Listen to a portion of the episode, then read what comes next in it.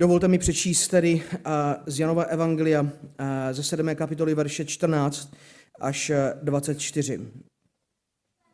Jan 7, 14 až 24. Když již bylo uprostřed svátků, mimochodem jedná se o svátek eh, stánku, o něm jsme právě četli v knize Levitikus, tak právě tento svátek stánku se nyní odehrával v Jeruzalémě, při kterém pán Ježíš, eh, při kterém pán Ježíš učil. Když bychom se podívali na začátek 7. kapitoly, tak tam to vidíme, že celý ten text vlastně až do té 24.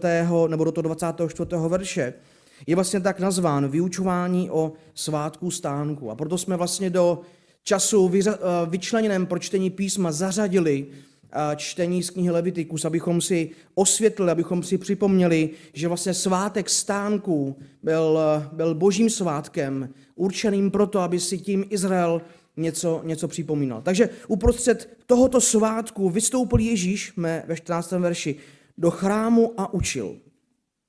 Židé se vydivili a říkali, jak to, že tento člověk eh, se vyzná v písmech, když se tomu neučil.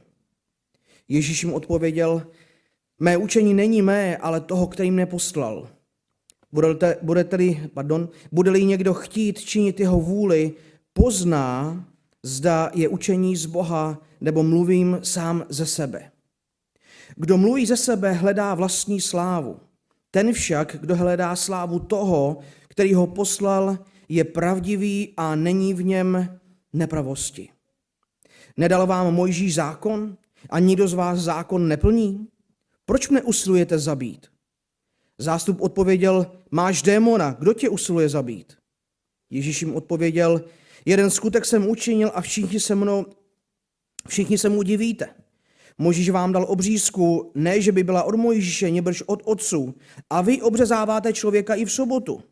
Jestliže přijímá člověk obřízku v sobotu, aby nebyl porušen Mojžíšův zákon, proč se nám nezlobíte, že jsem v sobotu uzdravil celého člověka?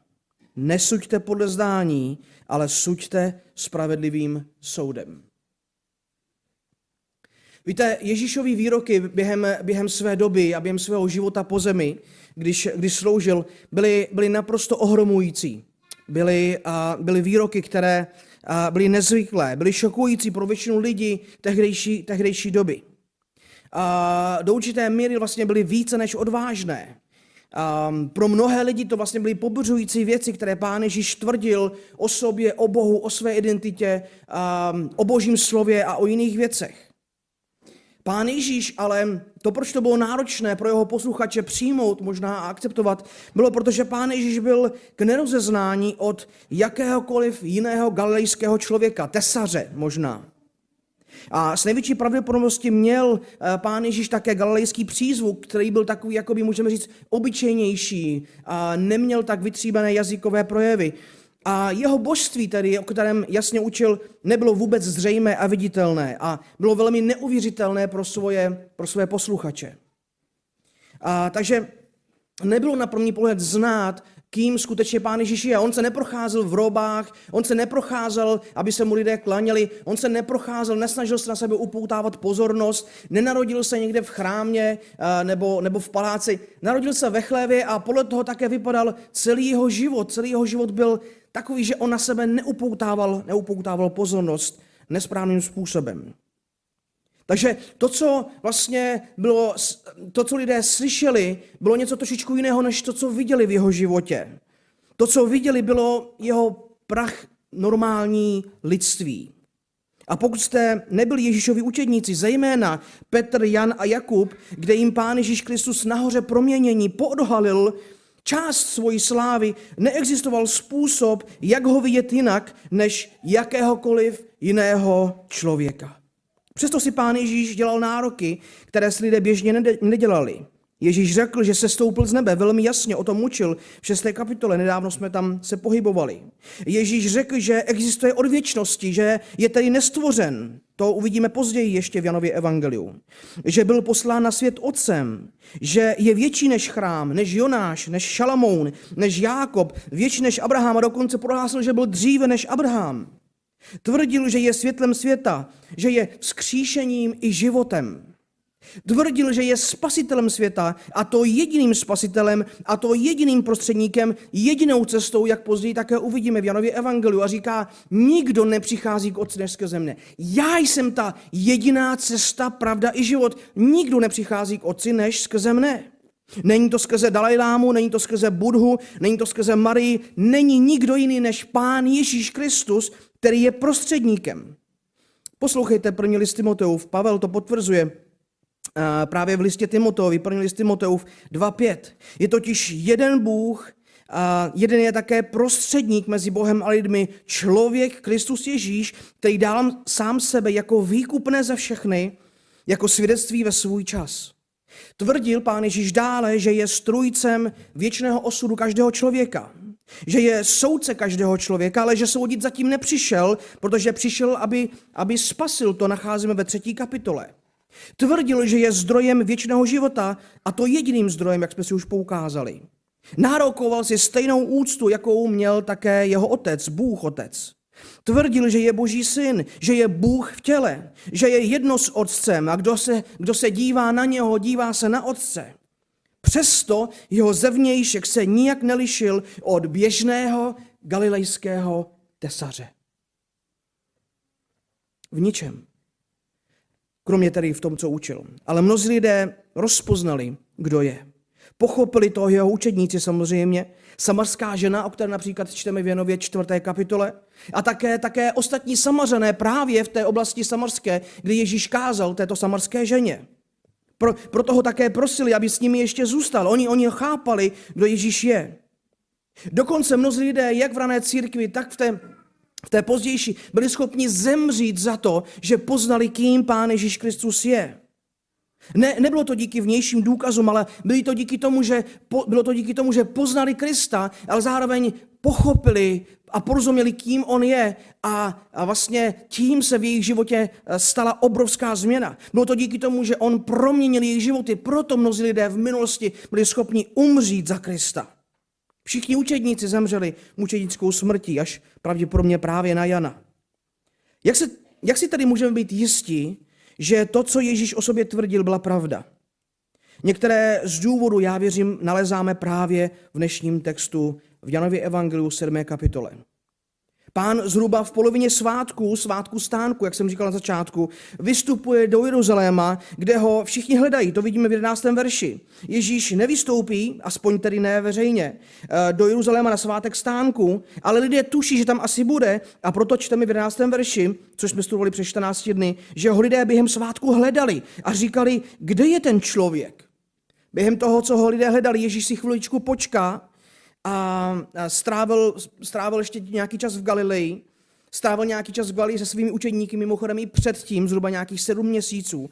A nyní, když opadne, můžeme říct takový ten největší hunbuk, aby nebyl náhodou předčasně ukřižován nebo prohlášen za krále předčasně, přichází nepozorovaně do Jeruzaléma a má možnost v chrámě učit židy. To znamená všechny, zejména, zejména, zejména vlastně představitele židovské v tehdejší době. A právě v jeho vyučování o svátcích, stánku v této, v této části textu nacházíme zhruba pět, nebo chcete-li nejméně pět důvodů, proč věřit Kristovým tvrzením o sobě. Jinými slovy, proč přijímat Krista jako toho, kým on skutečně byl, jako toho, um, jak skutečně sám o sebe on o sobě kázal, jako toho, koho on sám skutečně prezentoval. Takže pět Kristových tvrzení o sobě, jak je přijímat, a tady máme pět důvodů tedy. Pět důvodů. Dneska z časových důvodů se nedostaneme ke všem pěti, pouze ke třem a příští, příští neděli budeme, a budeme pokračovat s druhou částí vlastně tohoto kázání. Za prvé uvidíme, že tyto důvody jsou jeho nadpřirozená znalost a učení písma, která vychází od Otce. Když, um, když vlastně Ježíš začal učit, tak uh, lidé se divili, jak je možné, že tento prostý Galilejec se tak vyzná v písmech. To je ten první důvod. Druhý důvod, proč přijmout Ježíšovo učení o sobě, že jeho učení lze ověřit a vyzkoušet praxí. Třetí důvod jsou jeho skutky, které dokazují jeho nesobeckost. Čtvrtý, ale ten neuvidíme dneska, je vliv na svět, eh, který vlastně byl, nebo jeho vliv na svět byl naprosto ohromující, můžeme říct naprosto nepřehlednutelný. A za páté se naučíme, a to až příští neděli, že jeho skutky dokazovaly jednoduše, že on je syn Boží. Takže z časových důvodů dnes tady nestihneme se zabývat všemi pěti důvody, ale pouze, pouze se budeme zabývat třemi z nich. Nicméně první důvod, proč věřit Ježíšovým tvrzením o sobě, je jeho nadpřirozená znalost písma. Za prvé, proč věřit Kristu je, protože on učil, um, aniž by se něco učil, aniž by sám něco studoval. On učil to, co nikdo ho nenaučil, ale to, co sám převzal od otce. Podívejte se do 14. verše znovu, 15. i 16. Když již tedy byl uprostřed svátků, vystoupil Ježíš do chrámu a učil. Židé se divili a říkali, jak to, že tento člověk se vyzná v písmech, když se tomu naučil. Ježíš jim odpověděl a říká jim proč. Mé učení není mé, ale toho, který mne poslal. Jak již tady zaznělo, Ježíš se nepozorovaně nakonec do Jeruzaléma dostal, ale ne proto, aby na sebe upoutával pozornost, to chtěli jeho bratři, ale proto, aby znovu kázal, proto, aby znovu vyučoval zástupy, ale především, eh, především vlastně vedoucí činitele tehdejší doby.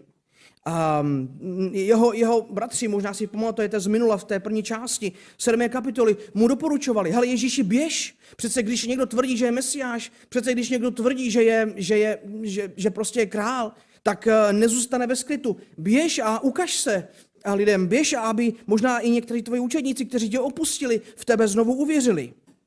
On věděl, že to, co potřebují ale lidé poznat, není to, aby se jim předčasně zjevoval, aby dělal nějaká, nějaké kouzly a čáry, ale on věděl, že to, co lidé potřebují, je poznat jeho skutečnou identitu, identitu Krista. Nikoli, aby přesčasně byl oslavován lidmi, kteří ani nerozuměli tomu, kým vlastně Ježíš do, zcela byl. Kým vlastně Ježíš je. Ale to Ježíš skutečně nepotřeboval.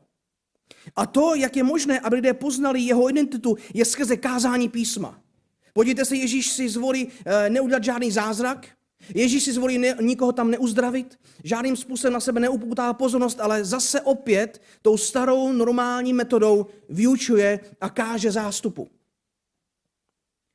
To je, jak se zdá změnit svět, milí přátelé, bratři a sestry. Vždy. To je, jak Bůh vždy jednal v historii v církve nejvíce. A kdy, kdykoliv přestalo být kázání Božího slova, tak tehdy z církvy to šlo z kopce také nejvíce. A to je přesně to, co dělá Pán Ježíš Kristus. Protože to, co lidé potřebují teď a potřebovali vždycky, je, aby poznali Krista, ale to se dá nejjasněji a nejsrozumitelněji poznat skrze kázání písma.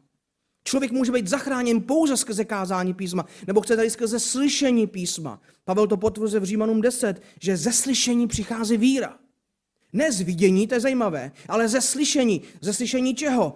Božího slova. Ale lidé vidí zřejmě podle jeho přízvuku, zřejmě podle vzhledu nebo vyjadřování, že ten, tento člověk není vzdělaný. Že tento člověk není nějaký, uh, nějaký zvláštní. Jak může znát písma, když oni vědí, že ho tomu nikdo neučil? A Ježíš jim jednoduše odpovídá proč. A to je jeden z nejdůležitějších důkazů o tom, kým on byl. Jeden z důležitých důkazů o tom, že byl Boží syn. Odpovídá jim, že jeho učení totiž není, uh, ho nikdo nenaučil. On se ho nikdy nenaučil v žádné rabínské škole, ani na žádném semináři, ale převzal je přímo od otce. Převzal je přímo od Boha. Jednoduše jeho učení nebylo založeno na osobní zkušenosti, zkoumání nebo nějakém, nějakém hlubším vhledu ale přesto učil jako nikdo jiný. Přesto o něm lidé tvrdili, že jeho učení má moc. Ne jako učení farizeů a zákonníků. A to potvrzuje i Matouš ve svém evangeliu. Matouš 7, 28 a 29. Matouš 7, 28 a 29. A stalo se, že když Ježíš dokončil tato slova, byly zástupy ohromeny jeho učením, nebo tě učil jako ten, kdo má pravomoc a ne jako jejich učitelé zákona. Ti neuměli učit nejenže neuměli, ale neznali slovo. Jeho učení, tedy učení Krista, bylo autentické, naprosto nezvyklé, naprosto jedinečné, protože bylo přímo, přímo od Boha Otce. Bylo to Boží slovo a proto mělo moc. A proto bylo pro lidi tak atraktivní. proto lidé žasli nad mocí jeho učení. Někteří ale jej nepřijímali a některé lidi, zástupy lidí a, a tehdejší vedoucí, jeho učení popouzelo. Ale všichni věděli, že jeho učení bylo výjimečné. Učitelé Ježíšovi doby často kázali kompiláty myšlenek a domněnek jiných rabínů, ale nekázali písmo protože neznali písmo. Jejich kázání bylo mnohdy jenom jako takové intelektuální cvičení, politická nebo, nebo jiná promluva, chcete-li. Ale nemělo to šťávu a příslušnou moc Božího slova, protože to nebylo kázání Božího slova. Protože tito lidé neznali písmo. A lidé, dokonce i samotní židé, um, chápej vedoucí, to poznali. Poznali, že Ježíšovo učení je úplně z jiné sféry. Oni, oni viděli, že jeho kázání je plné znalostí, moudrosti a moci, ale přesto ho mnozí odmítali. Jak smutné. Jak smutné. Zdrojem Kristova kázání byl sám Otec. Sám Bůh Otec, který mu svěřil to, co Ježíš má kázat. Jelikož farizové ale neznali Boha, Nepoznali ani to, že slova, která Pán Ježíš učí, jsou slova Boží. Že přichází od Boha. Nejen, že neznali ani Boha, ale neznali ani písmo, to už jsem zmínil, tak jak si mysleli, že znali. Kdyby ano, poznali by, že Pán Ježíš je Mesiáš a Pán Ježíš jim to potvrzuje v páté kapitole. Um, on říká, zkoumáte písma ve 39. verši. Zkoumáte písma, protože se domníváte, že v nich máte věčný život, ale právě ona svědčí o mne. Takže jinými slovy, kdybyste znali písma, tak byste museli poznat, že stará písma starého zákona svědčí o mně. Ale nechcete přijít ke mně, abyste měli život. Tito lidé nechtěli přijít ke Kristu. To byl ten jejich zásadní problém. To je uh, ta nejdůležitější připomínka pro nás, bratře a sestry, i v dnešní době. Stejně jako si ani Pán Ježíš Kristus neříkal, co chtěl, um, Nemělo by tomu být v případě ani dnešních kazatelů.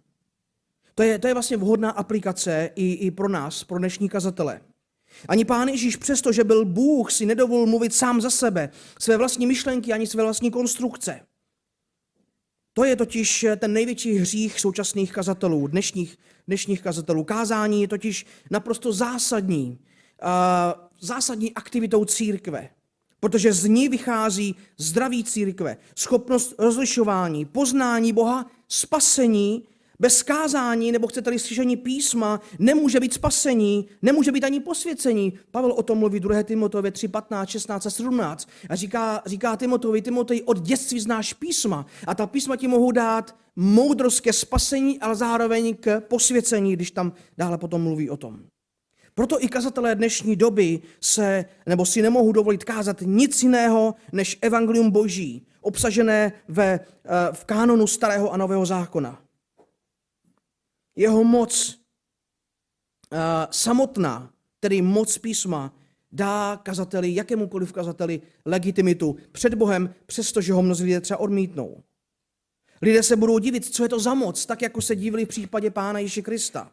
Nejen to, ale Bůh si skrze kázání zachrání mnoho, mnoho lidí. Protože tvé ani mé slovo nemá, nemá moc zachránit vůbec nikoho. Tvé ani mé slovo nemá moc přesvědčit vůbec nikoho o existenci Boží, o jeho hříchu, o jeho potřebě, vůbec nikoho. Pouze Boží. Pouze Boží a Kristovo slovo má moc proměnit člověka a lidské srdce. Pojďme k druhému důvodu. Druhým důvodem, proč věřit Ježíšovým výrokům o sobě, je ten, že jeho učení lze ověřit. Jeho učení lze ověřit, zkouš, můžeme říct, zkušeností a praxi. Podívejte se do 17. verše. Bude-li někdo chtít činit jeho vůli, protože to byl ten problém. Jejich problém nebyl, že tomu nerozuměli úplně, ale jejich problém byl, že oni nechtěli jednoduše. To už jsme viděli v páté kapitole ve 40. verši. Tito lidé nechtěli a proto Ježíš na to reaguje. Všimněte si, že on nereaguje tak, že by jim nějak jako hlouběji vysvětloval ty věci, samozřejmě to může a, a udělá to dále, ale bezprostředně reaguje a říká, bude-li někdo chtít činit jeho vůli, tedy boží vůli, ani ne moji vůli, pozná, zda je to učení z Boha, nebo mluvím-li sám za sebe. Problém byl v tom, že ti to lidé prostě nechtěli za druhé. Takže a to nám ale mimo jiné ukazuje, že jeho učení, tedy Kristovo učení, které bylo boží učení, lze ověřit zkušeností, pokud chceme plnit boží vůli. To je nesmírně zajímavý verš, tento 17. verš. Pán Ježíš v tomto textu učinil velmi uh, zvláštní, ale vlastně i důležité zaslíbení. Kdo chce činit, kdo chce skutečně poslouchat, kdo se nechce neustále jenom ptát a spochybňovat, kdo chce činit, kdo chce poslouchat, pozná, že jeho slovo, tedy Kristovo slovo, i toto slovo je pravdivé. Pozná to. Jinými slovy, podle Pána Ježíše, Ježíše pravdivost toho, co o Kristu učí, je ověřitelná praxí. Je ověřitelná zkušeností. Kdo chce činit, pozná. Nelze se o ní zcela utvrdit na semináři, nelze se o ní zcela utvrdit v knihách nebo někde jinde. Ti, kteří touží přijmout a žít slovo, dříve nebo později pochopí, zda to, co je jim kázané, je pravda či nikoliv. To je to, co učí pán Ježíš v tomto verši. Bude-li někdo chtít činit jeho vůli, pozná. Bude-li někdo chtít činit jeho vůli, pozná. Zde je to učení z Boha či nikoliv. Všimněte si, že v celém evangeliu, a to je pro nás není žádným tajemstvím, se objevují pouze dva druhy lidí. Jsou ti, kteří tiše sedí u Ježíšových nohou, aby se učili, aby přijímali jeho zasleté slovo.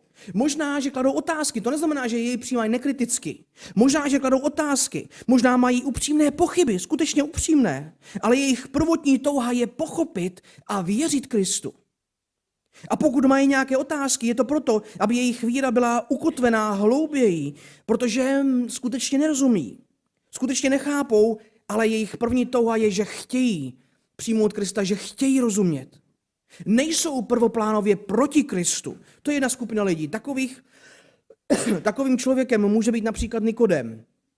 Nikodem ve třetí kapitole, tak jak jsme o něm studovali, byl jeden z vedoucích Trošičku se styděl, že nechápe, trošičku se styděl za to, že, za to, že jde za Ježíšem, proto za ním jde v noci, ale jde, protože chce pochopit, protože chce věřit. Protože to učení, které přináší Ježíš, je něco, něco nenormálního a dokonce říká, ale ty skutky, které dělá někdo jako ty, to přece není možné. To přece není možné, aby Bůh, aby někdo byl schopen dělat tyto skutky a aby Bůh nebyl s ním. Takže to není člověk, který by odmítal Krista. On chce přijmout, ale on chce vědět víc a proto přichází za Ježíšem. Je tam rozhovor a my potom později víme, že Nikodem byl jeden z těch, který skutečně uvěřil a kterého pán Ježíš zachránil. Ale pak jsou ti, kteří jako tito náboženští vůdci tady v našem, v našem, v našem textu před ním stojí a hádají se a z principu a z podstaty prostě nepřijmou to, co Ježíš říká a co Ježíš káže. Ale Ježíš jim odpovídá, že jeho učení je ověřitelné praxí. Že, že skutečně funguje, že to není pouze teorie, ale že oni to poznají, když se mu podvolí. Když ho skutečně přijmou, tehdy poznají jeho pravdivost, hodnověrnost, účinnost, požehnání a bohatství. Tehdy to poznají. Jinak můžou do nekonečna argumentovat, jinak můžou do nekonečna vznášet různé otázky, jinak do nekonečna můžou debatovat a, a vést teologické diskuze. Ale dokud se mu nepodvolí, dokud jej nepřijmou, tak nikdy skutečně neroz, neporozumí. Ježíš jim tady odpovídá, že jeho učení je ověřitelné praxi. Když se mu podvolí, poznají jeho pravdivost, hodnověrnost, účinnost, požehnání a bohatství. Víte, skoro by se dalo um, skoro by se v této chvíli dali použít slova, slova žalmisty ve 34. žalmu ve verši 9, který, který takto napomíná Izrael. Eh, v 9. verši říká žalmista, žalm 34, okuste a vy jste. Okuste. Okuste a vy jste, že hospodin je dobrý. Izraeli, nevěříš? Um, Izraeli, jsi v situaci, kdy pochybuješ? Kdyby si neustále chtěl jenom diskutovat, nebo člověče, nebo kdokoliv jiný, okuste a vy jste, že hospodin je dobrý. Blahoslavený je muž totiž, který teprve okusí. Blahoslavený je muž, který v něm hledá útočiště. Ne polemizuje, ne neustále klade otázky a otazníky a překážky, ale ten, kdo v něm hledá útočiště. A my můžeme doplnit ten, kdo se mu podvolí. Ale rozumíme, nejde zde jenom o nějakou povrchní ochutnávku. Taky tak ochutnám, zkusím si ten křesťanský život na chviličku, nebaví mě to dobrý dodál. Ne, o to, o to vůbec nejde. O tom žalmista nemluví, ani, ani Pán Ježíš Kristus o tom nemluví. Ale on mluví o upřímné touze, a, a vlastně, ve které přicházíme ke Kristu a ve které chceme Boha skutečně následovat. Ale problém je v tom, že mnozí prostě nechtějí. To je ten jejich problém. Nechtějí činit Boží vůli, stejně jako ti to židé. Problém není ani tak v tom, že nechápou, ale nechtějí, protože se jim do života prostě Ježíšovo učení nehodí. Nehodí se jim do jejich systému hodnot, uvažování nebo teologie. Pokaždé, když slyšíme náročnou pravdu, bratře a sestry, a to je zase aplikace pro nás, zkoumejme své srdce. Um, přemýšlejme, jestli, jestli ji nechápeme, protože ji nechceme pochopit, nebo protože opravdu máme legitimní otázky ohledně té dané pravdy, kterou slyšíme. Ať se to týká například role muže a ženy v dnešní době. Uh, role, role spasení a boží svrchovanosti ve spasení. Nebo trojice. Ta nejdůležitější otázka, zda jsem, je vždycky je, zda jsem připraven přijmout pravdu. Možná, že i které nerozumím, ale která je velmi jasně a srozumitelně zjevená na stránkách písma.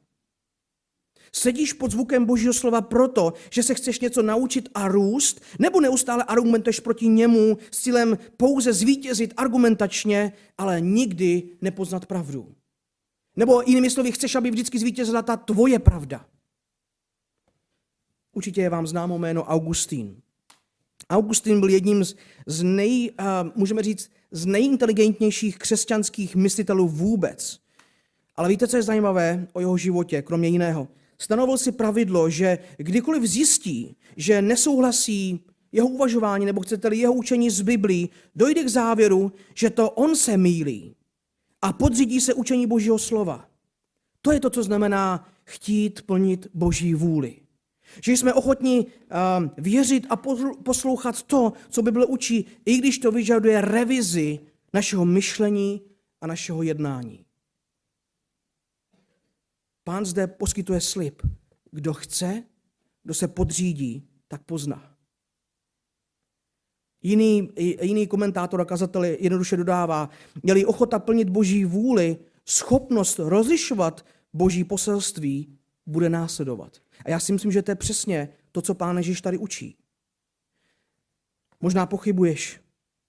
Možná máš pocit, že věci nikdy nepochopíš. Nezoufej, milí příteli, bratře a sestro. Zde je zaslíbení. Kdo chce, pozná. Jinými slovy, kdo se podřídí, pozná. Jednej, víš, možná malé doporučení, jednej podle toho mála, podle toho mála, co znáš teď. Které znáš teď. A pán tě povede. On tě bude utorzovat a učit tě časem s tím, jak tvoje poslušnost poroste. Ale neskoušej si nejprve všechno lajnovat deset let dopředu, až všechno budeš teologicky umět jako správně definovat a potom se teprve vydám. Ne, běž už teď. Na základě, žij už na základě teď toho, co, toho mála, co znáš. Poslouchej už teď jenom to málo, co znáš a uvidíš, uvidíš, kam se tvůj život bude ubírat.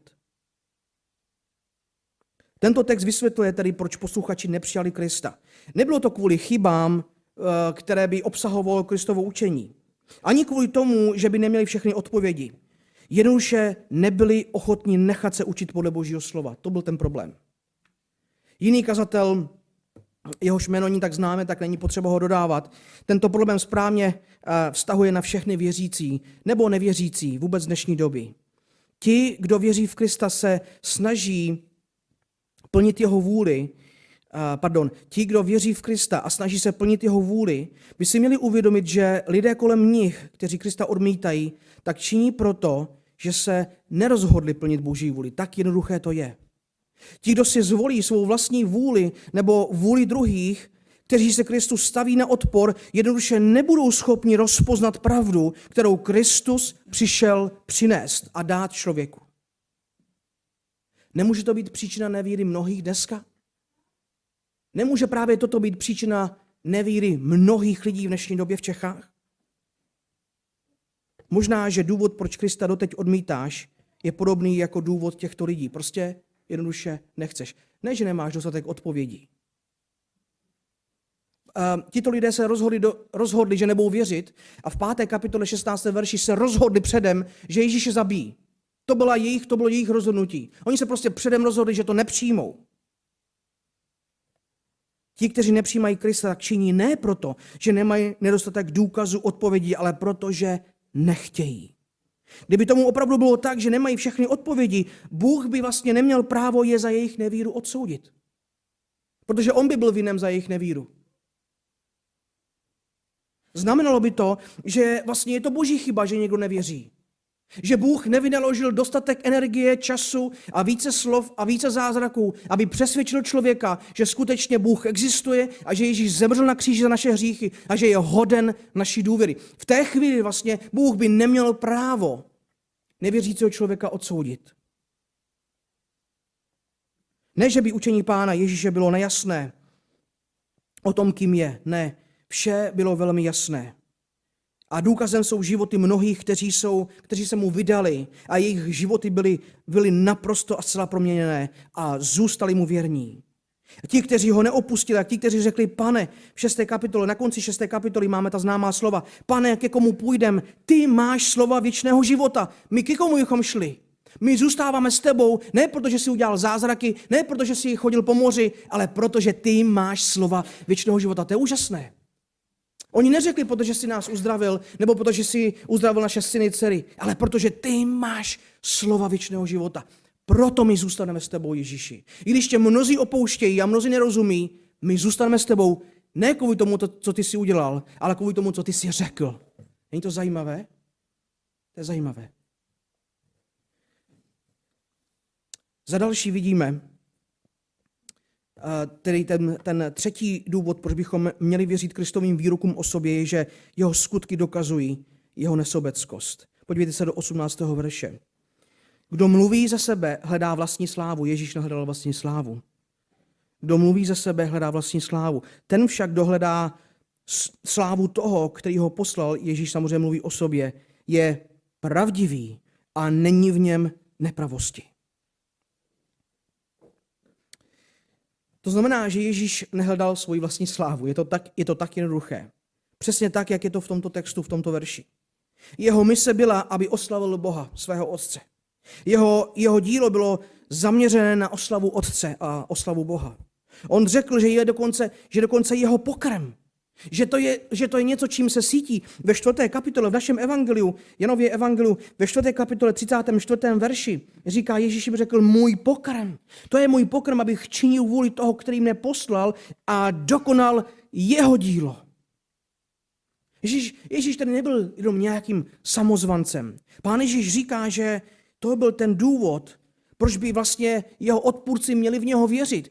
Že on nepřišel budovat svůj věhlas, ale boží věhlas. I když vlastně kázal o sobě, jako o mesiáši, jako o prostředníku mezi Bohem a člověkem, i to byla otcová, vůle. To, že kázal o sobě, to, že říkal, že je roven Bohu Otci, to, že uh, uh, říkal, že je světlo, že je chleba, že bez něho nikdo nepřijde Otci, všechno toto byla vůle Otce. On to nekázal, protože si v tom liboval, ale protože Otec určil ho jako prostředníkem mezi člověkem a Bohem. A protože Otec ho určil jako někoho, skrze koho bude spasený každý, kdo věří. Kdo věří jeho slovům, protože to nakonec jsou vlastně boží slova. A když oslavil Otce svým životem a svou smrti, prosil ve své velekněžské modlitbě v 17. kapitole Otce, aby oslavil syna. Víte, to je zajímavé. Otec slaví syna a syn slaví Otce. Je to, je to vzájemné. Velekněžská modlitba, 17. kapitola, první verš. Pán Ježíš se modlí. Říká, když toto Ježíš pověděl, pozvihl své oči k nebi a řekl, otče, přišla ta hodina. Mluví samozřejmě o, svém, o své smrti. Oslav svého syna, podívejte se. Oslav svého syna, aby tvůj syn oslavil tebe. Tak, jako si mu dal pravomoc nad veškerým tělem a tak dále, tak dále. Syn oslavuje otce a otec oslavuje syna. Pán Ježíš tedy hledal slávu toho, který ho poslal a otec ho také oslavil. Otec ho také vyzdvihl až na nebesa, vzkřísil ho. Tím Ježíš naráží na mnoho jeho spolu, vlastně můžeme říct takových současníků, ale i předchůdců, ale i těch, co přijdou po něm. Takový ten společný jmenovatel vždy falešných učitelů byl, že oni hledali svoji slávu. Podívejte se na ně dneska. To jsou lidé, kteří žijí v palácích, oddělenosti od lidí, izolovaní, lidé, kteří mají moc, lidé, kteří zneužívají svoji náboženskou autoritu. Um, tito lidé, tito lidé hledají svoji vlastní slávu. Chtějí být významní, chtějí být zástupem oslavovaní, chtějí mít moc a chtějí ovládat lidi. Ať už je to v církevním nebo necírkevním prostředí, je to úplně jedno. Nic podobného Ježíš nikdy nechtěl a nikdy nehledal. Jemu byla dána moc um, a jemu byla dána sláva ale tu nechtěl od lidí, protože mu byla dána moc i sláva od Otce. On ji nehledal od lidí. Jeho služba nebyla zaměřená na něho, ale na Boha. On už měl slávu, on ji nepotřeboval od lidí. Jeho služba byla zaměřená na Boha a na to, jak přivést lidi k Bohu, aby byl otec oslaven. Ale a lidem chtěl ukázat, že on je tady prostředníkem, že on je tady tou cestou k Bohu. Ježíšův postoj ale také kontrastuje s lidmi dneska. S lidmi, kteří ho odmítají. To je ten nejdůležitější důvod, proč v něj lidé častokrát nevěří. Jednak nechtějí, ale také proto, že chtějí vlastní slávu. Chtějí si být sami sobě vlastními bůžky, vlastními bohy. Myslí si, že svět se točí kolem nich, jejich potřeb a jejich životů. Myslí si, že oni jsou těmi, těmi bohy svého vlastního života a vesmíru. Jak jejich postoj kontrastuje.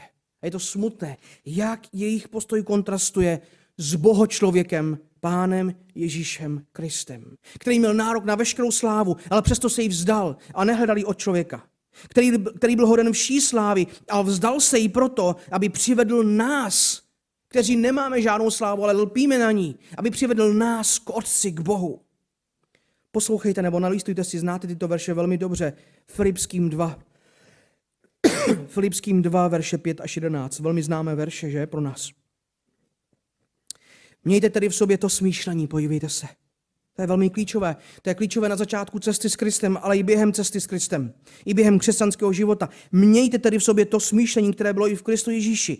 Ačkoliv byl ve způsobu božím. Ne, to neznamená, že on neměl slávu boží. Ne, on byl ve způsobu božím, nelpil na tom.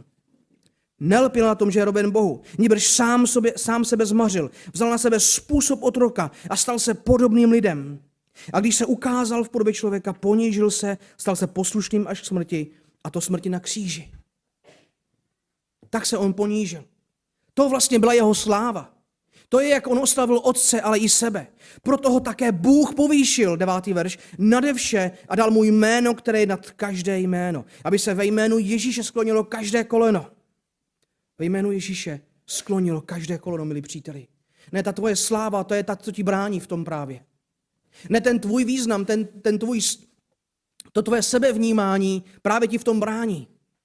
Aby ty se sponořil, aby si se poklonil, aby si sklonil svoje koleno. Aby se ve jménu Ježíše sklonilo každé koleno. Ti, kdo jsou na nebi, i na zemi, i pod zemi. A k slávě Boha Otce, aby každý jazyk vyznal, že Ježíš Kristus je Pán. Milí příteli, dokud toto neuděláš, tvůj život je v obrovském nebezpečí. Není to jen jedna z voleb, kterou Ježíš tady nabízí. Je to, je to jediná a zásadní volba pro tvůj život. Je, otázka, je otázkou života a smrti. A to, co ti v ní brání, v tomto rozhodnutí, je tvoje vlastní sláva. Je lpění na tvojí vlastní slávě.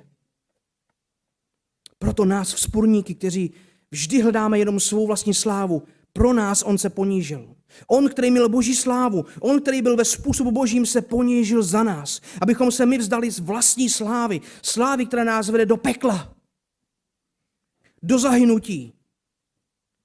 On se vzdal své, aby nás zachránil z tohoto pekla. Protože vlastní sláva je nejenom spoura vůči Bohu, ale trvání na své vlastní slávě je zároveň upření slávy Boží. Je upření slávy Bohu a jeho synu, která pouze jemu náleží. Problém dnešního člověka je právě zaslepenost a opilost jeho vlastní důležitostí. Ale Pán Ježíš přišel proto, aby nám řekl pravdu o nás a ta, ta pravda je, že jsme hříšníci. A jsme na široké dálnici do pekla. Protože si sedíme na trůnech svého vlastního království. Malého království, bezvýznamného. Absolutně slabého, protože až se ukáže Kristus, tak celé to, celé to padne. To je pravda o člověku. Nejen to, ale řekl nám pravdu o, to, o sobě, že on je boží syn a jediný prostředník mezi Bohem a člověkem pro záchranu, ale také nám řekl pravdu o Bohu, že on je svatý a bude soudit každý hřích. Každý, kdo mu upře, tedy Bohu, vzdát slávu jako Ježíš. A potom za nás zemřel. Aha. Jak neuvěřitelné. To je evangelium, milí přátelé. To je dobrá zpráva. Ta špatná zpráva je, že ty ve své vlastní slávě jsi v obrovském nebezpečí. A hrozí ti věčné zahynutí ve své slávě. Ta dobrá zpráva je, že Ježíš přišel, aby ti řekl, že se musíš zdát svého významu pokořit, sklonit svoje koleno před ním. Vyznat ho jako pána. Porozumět tomu, že on zemřel na kříži za tvůj hřích, aby tě zachránil. A víš, to je zajímavé. Potom vlastně budeš mít tu skutečnou slávu. Slávu Boží. To písmo říká, že hříšníci v Římanům 3.23 všichni zřešili a nemají, nemají boží slávu. To je zajímavé, že? Takže je to ta, ten, ten boží plán pro slávu, vidíme to v životě Krista, ale vidíme to v životě každého křesťana, který se poníží, je pokoření se. To, je ten zvláštní paradox dnešní doby, že?